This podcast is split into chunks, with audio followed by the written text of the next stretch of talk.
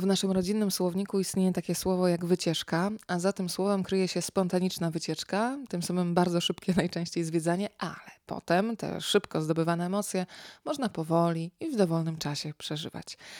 Do wczoraj nie wiedziałam o istnieniu Felicji Curyłowej, ale dzięki mojemu mężowi już wiem i mam ogromną potrzebę, żeby Państwu o tej barwnej postaci opowiedzieć.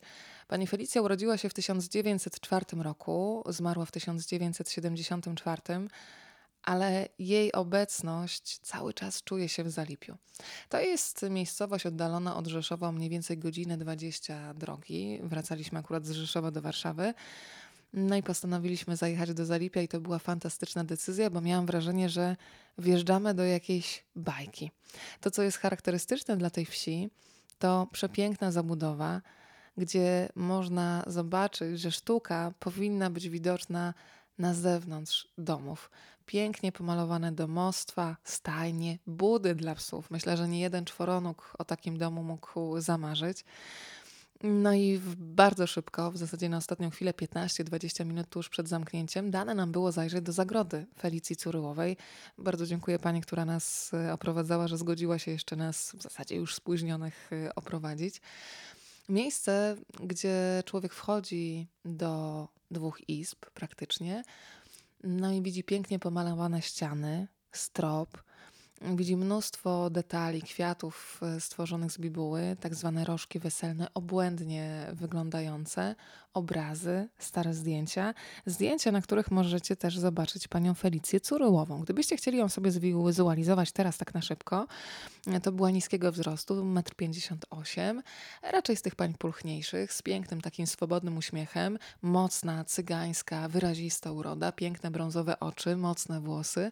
E, ci, którzy ją znali, mówili, że była taką działaczką społeczną, e, uśmiechniętą, ale też stanowczą i faktycznie potrafiło osiągać e, cele.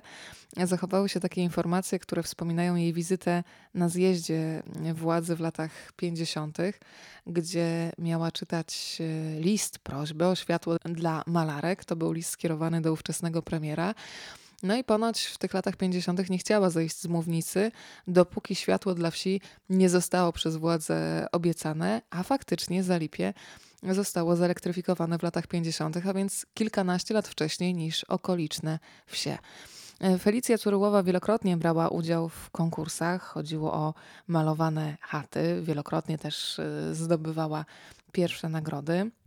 Jeżeli zajrzycie do jej zagrody, to zobaczycie artystkę ubraną w piękny, barwny strój ludowy. Świetnie się w nim prezentowała, zresztą była bardzo dumna z regionalnego ubioru charakterystycznego dla Powiśla Dąbrowskiego. Co istotne, uszyła go i wyhaftowała własnoręcznie.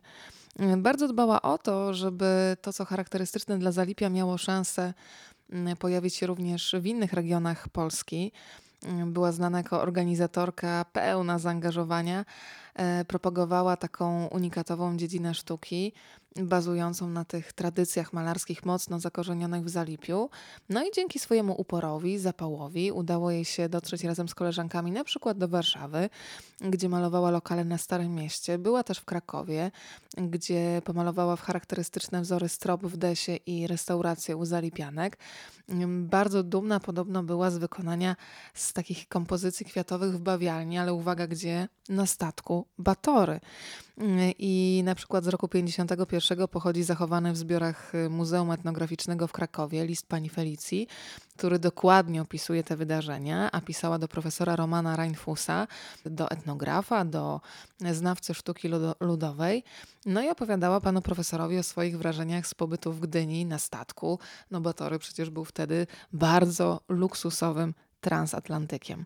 E, to co ciekawe, myślę, że po drugiej stronie są fani e, wyrobów fajansowych, na przykład z Włocławka, że również e, wzory Felicji Curyłowej mm, na tego typu wyrobach można zobaczyć. Przygotowywała też wzory, które później były obecne na tkaninach.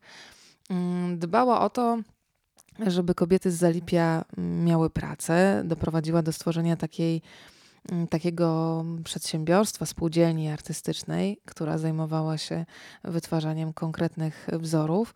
No i wspominałam już Państwu o tych konkursach, konkursach nazywanych w latach 60. malowaną chatą. Malowana chata Myślę, że to świetny konkurs, który pokazuje, jak można zaczarować nawet bardzo szarą rzeczywistość wokół siebie, no bo umówmy się, lata 50. czy 60. w Polsce e, do najbardziej kolorowych nie należały. Jeżeli Państwo zajrzą do zagrody pani Felicji Curyłowej, to zobaczą te zdjęcia archiwalne Spółdzielni Przemysłu Artystycznego Wieść Tworząca. Ta spółdzielnia zrzeszała grupę zalipiańskich malarek. Była to taka nieformalna grupa, której przewodziła e, pani Curyłowa i doskonale rozumiała potrzebę zachowania tradycji malowania i upowszechniania. E, miała duże kontakty z środowiskiem artystycznym.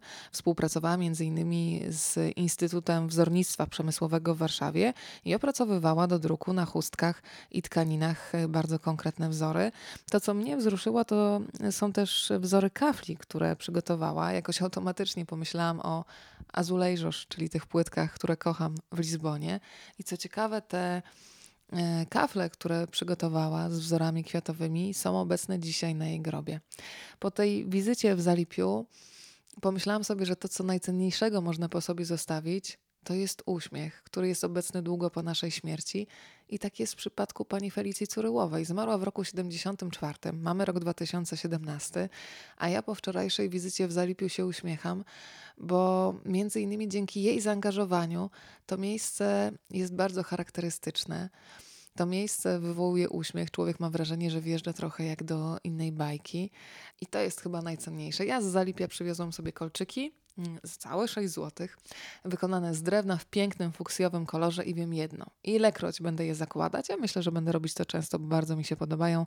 Będę bardzo ciepło myśleć o pani Felicji i z taką wdzięcznością za jej obecność w moim życiu, bo takie spotkania po latach niby niemożliwe, a jednak się zdarzają.